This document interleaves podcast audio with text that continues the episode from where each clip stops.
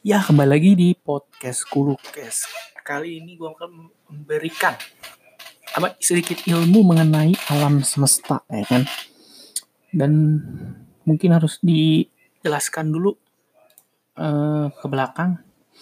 Kenapa gue mulai topik ini? Jadi karena gue lagi susah nyari topik ya kan, terus gue lagi ngeliat uh, di YouTube apa tuh nama channelnya V101 Science kalau nggak salah itu Journey Voyager 1 sama Voyager 2 jadi bagi nggak tahu Voyager 1 atau Voyager 2 itu adalah space probe kayak satelit orang angkasa yang dikirim ke jauh banget lah ke luar tata surya buat mempelajari yang ada di situ.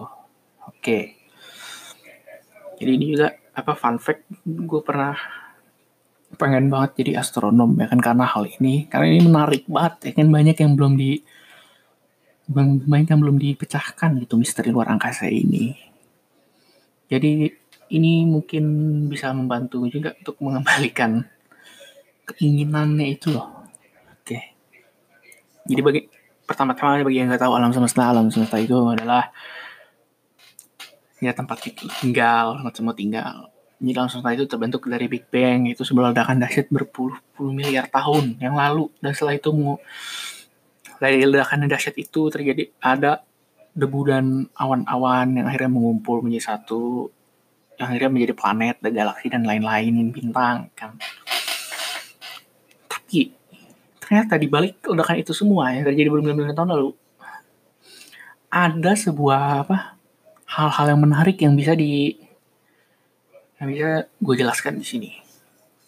Kalau menurut uh, artikel yang tersebut. Artikel yang udah gue lihat.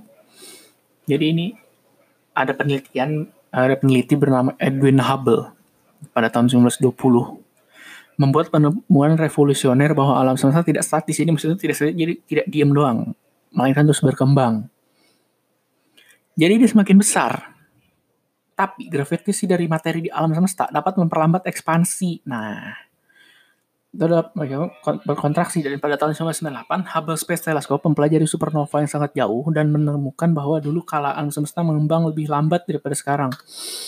Penemuan ini menunjukkan bahwa terdapat gaya yang tidak dapat dijelaskan dan disebut energi gelap mendorong percepatan ekspansi alam semesta.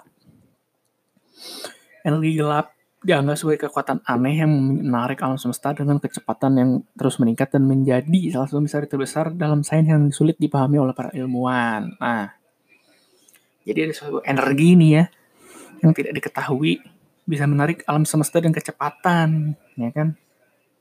Tapi juga kekuatan aneh karena belum bisa dijelaskan sampai sekarang. Bahkan dengan teknologi yang sekarang mumpuni, ya mungkin belum mumpuni banget ya, tapi harusnya bisa lah ya. Dan ini juga sebenarnya yang fakta yang kedua nih, hal-hal yang kedua sebagian besar alam semesta terdiri atas materi yang tidak terlihat ya kan kalau lu ngeliat ke atas ke malam-malam itu misalnya cerah tetapi hmm. harus yang di desa-desa jangan di kota-kota di desa kan bintangnya masih banyak nah pas itu bintangnya masih agak jauh-jauh-jauh nggak nggak mepet mat gitu ya kan karena apa? Karena menurut penjelasan di sini alam semesta terdiri dari banyak materi yang tidak dapat dilihat. Faktanya bintang-bintang, planet-planet, dan galaksi-galaksi yang dapat dideteksi hanya membentuk 4% dari alam semesta. Tuh. Demikian menurut para astronom. Sedangkan 96% sih terdiri dari zat yang tidak bisa terlihat. Zat-zat yang disebut itu disebut energi gelap dan materi gelap ini belum terdeteksi, tetapi para astronom mendasarkan keberadaan mereka pada pengaruh gravitasi yang diberikan keduanya pada materi normal, yakni bagian-bagian dalam semesta yang dapat dilihat.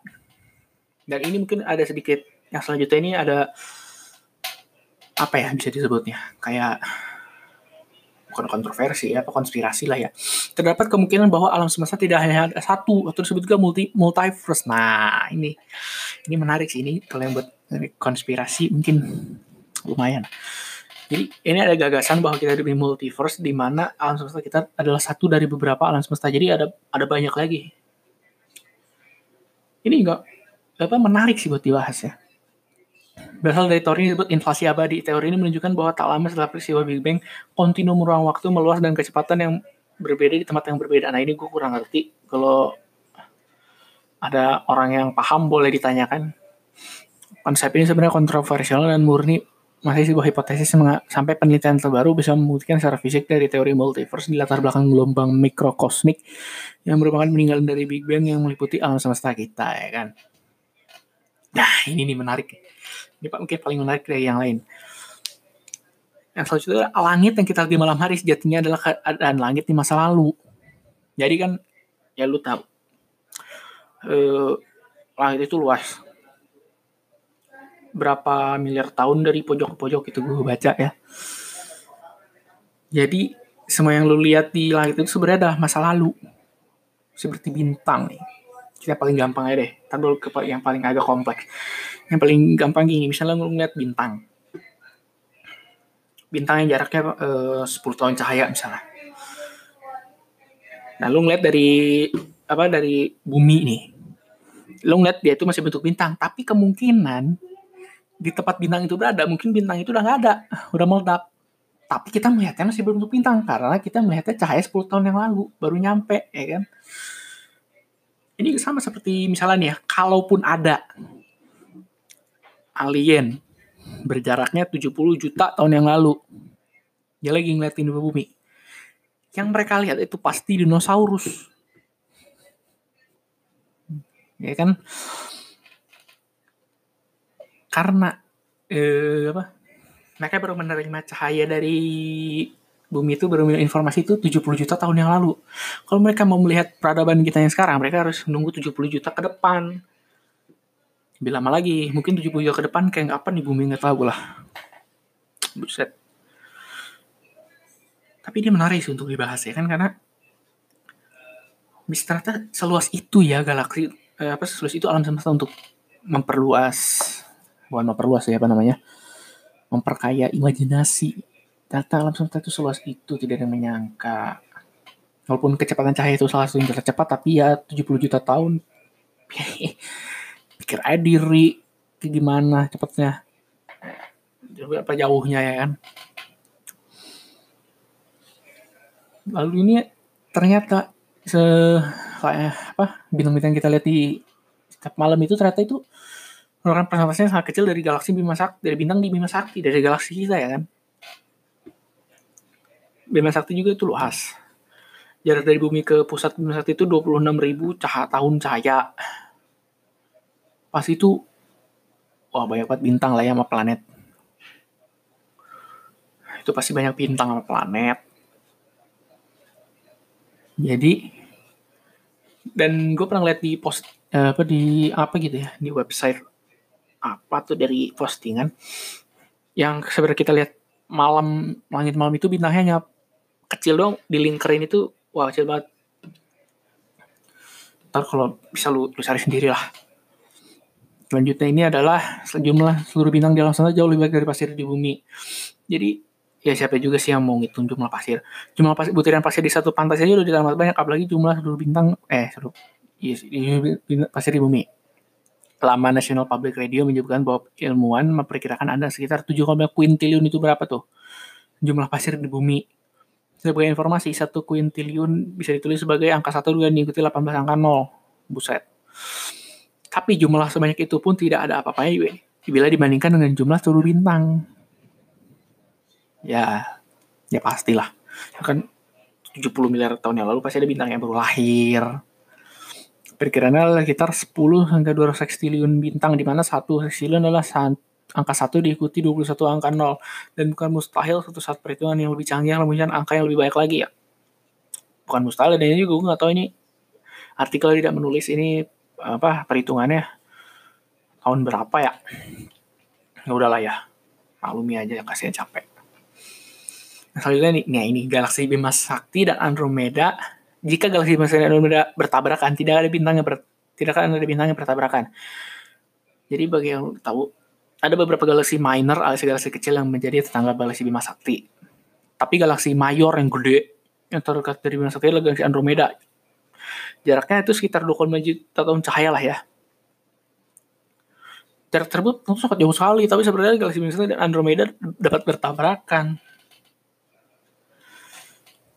jadi bertabrakannya mungkin akan terjadi sekitar ya 3 mili 3 juta tahun lagi lah ya. Dan kalau punya umur panjang tapi pengen kali ngeliat kayak gitu. Ngeliat galaksi bertabrakan terus ntar pas udah nyatu galaksinya jadi dalam keluarga yang sangat lebih besar lagi ya kan? Wah mantap sih itu kalau bisa hidup di tahun 3,5 juta 3, 3 juta tahun ngeliat galaksi bertabrakan sama yang lain.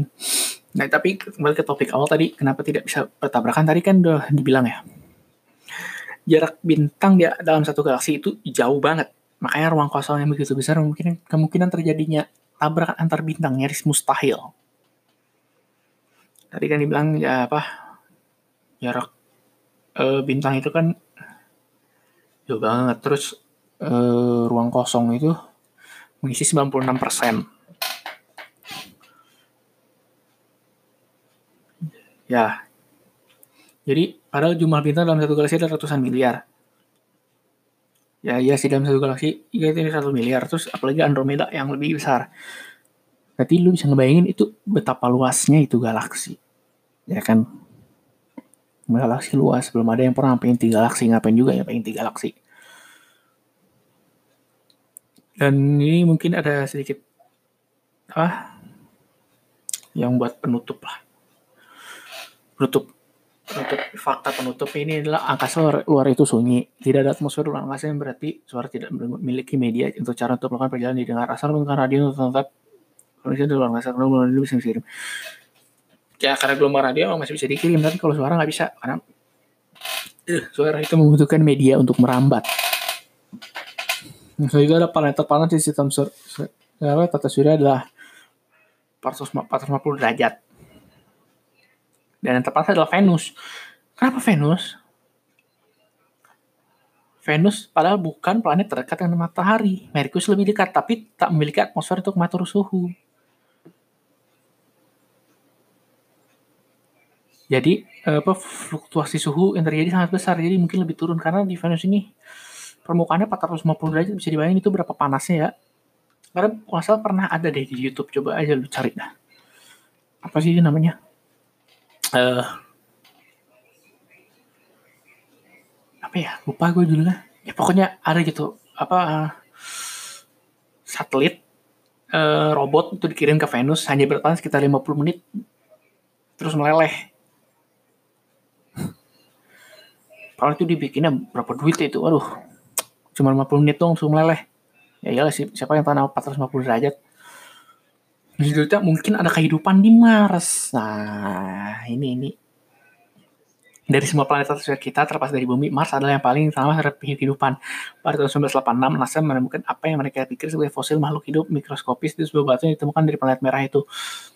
Dan sebagai sebagai fakta, ya Mars memang ada di daerah hijau, itu daerah yang terbilang aman untuk ditinggali. Karena gue pernah melihatnya dalam game Universe Sandbox 2. Kalau lihat pada yang main mungkin pas dinyalain ntar ada apa zona terus ntar dia ada di Goldilocks zone itu zona yang nyaman untuk kehidupan. Walaupun Mars ada di penghujung yang ke arah dingin tapi ya masih bisa dihidupi lah. Kalau di apa di, dikasih pohon dikit terus kasih air bisa lah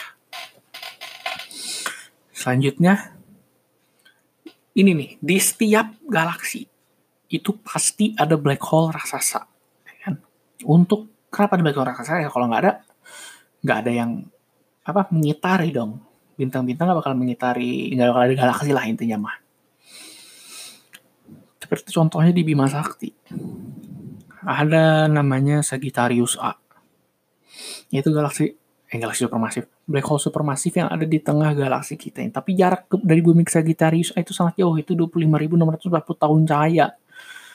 Jadi ya lama banget kalau mau diserap sama dia. Tapi nggak mungkin diserap. Karena itu jaraknya sangat jauh. 25.000 tahun cahaya. Berapa generasi kalau mau ke sono? Pakai roket bahan bakar juga apa ya kan? Dan fakta selanjutnya itu adalah gunung tertinggi di alam semesta ini, eh di alam alam semesta di tata surya kita ini di antara 8 planet, itu ada di planet Mars yaitu Gunung Olympus dengan ketinggian 26 km. 26 km. Bandingin sama Gunung Everest 8 km, itu sekitar tiga kali yang lebih. ngedaki gitu butuh berapa jam ya berapa, berapa hari-hari ini ngedaki gunung ini. Tiga hari kali ya. Lagi tiga hari jadi naik turun satu minggu buset. Boleh tuh yang demen gunung? Boleh lah. Kalau udah bisa tinggal di Mars nah cobain lah ngedaki gunung Olympus dan mungkin fakta yang terakhir adalah komet Halley akan kembali mengorbit sampai tahun 2061 jadi komet Halley itu ditemukan pada tahun 1705 oleh Edmund Halley. Komet yang terkenal itu terakhir terlihat pada tahun 1986. Dan hanya terlihat setiap 75 hingga 76 tahun. Jadi kalau punya umur panjang ya lebih baik dilihat lah. Karena ini saat langka bisa dibilangnya ya. Karena life opportunity orang-orang itu di setiap negara beda-beda. Ada yang life expectancy-nya panjang, ada yang pendek. Jadi lebih baik lihat ini. Pasti juga tahun 2021 gue yakin nih pasti bakal ada berita yang mengatakan komet Halley akan kembali mengorbit setelah apa?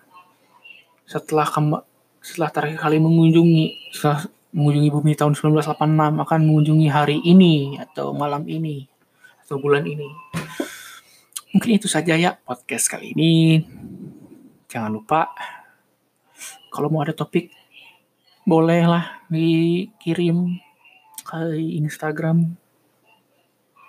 Sampai jumpa di podcast selanjutnya.